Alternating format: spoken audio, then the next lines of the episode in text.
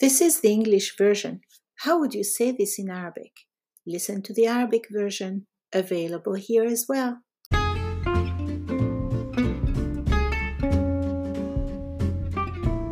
I met someone at the park a few months ago and discovered, while talking about food, that we have a lot in common.